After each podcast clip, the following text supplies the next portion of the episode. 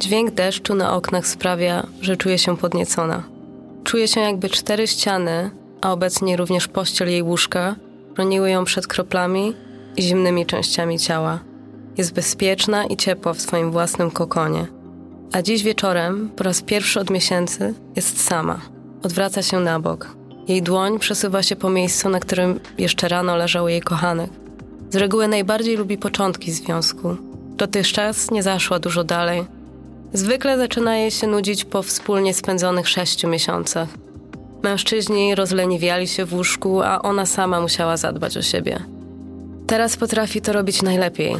Dzięki leniwym mężczyznom, ale być może szczególnie dzięki okresom, kiedy była singielką. Zamyka oczy i przesuwa dłoń z materaca na brzuch. W jej umyśle to właśnie jego palce przesuwają się w górę i w dół po jej bokach, łaskocząc ją delikatnie, ale nie na tyle mocno, by ją rozśmieszyć. Podnieca ją to, sprawia, że pragnie więcej. Jej oddech przyspiesza z każdym jej ruchem. Głaszcze trochę mocniej do momentu, aż uczucie mrowienia zniknie. Powoli zwraca uwagę na swoje piersi.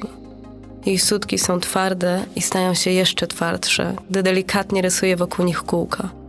Jest dumna ze swoich jędrnych piersi.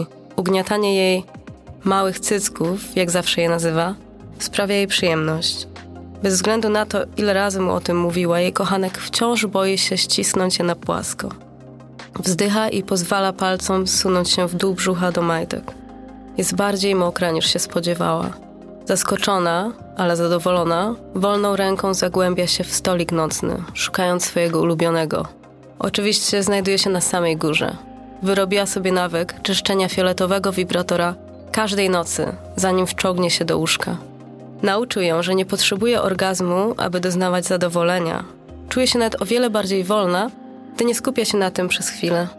Całe jej ciało drży od wibracji na łechtaczce.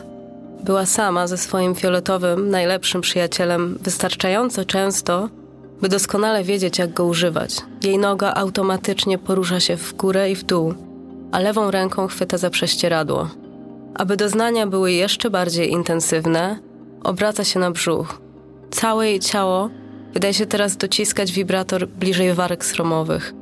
Chwyta jego poduszkę, na próżno próbując stłumić odgłos swojego stękania, prawie się w nią wgryzając. Nie udaje jej się już panować nad sobą, nawet ręka, która kontroluje przyciski, chce się oderwać. Niecałe 10 sekund później wyjmuje wibrator i odkłada go na półkę nad łóżkiem, aby był gotowy na kolejne polerowanie następnego dnia. Dopiero po chwili jej oddech znów się uspokaja, a ona zapada w rozkosznie głęboki sen, zmęczona, ale zadowolona.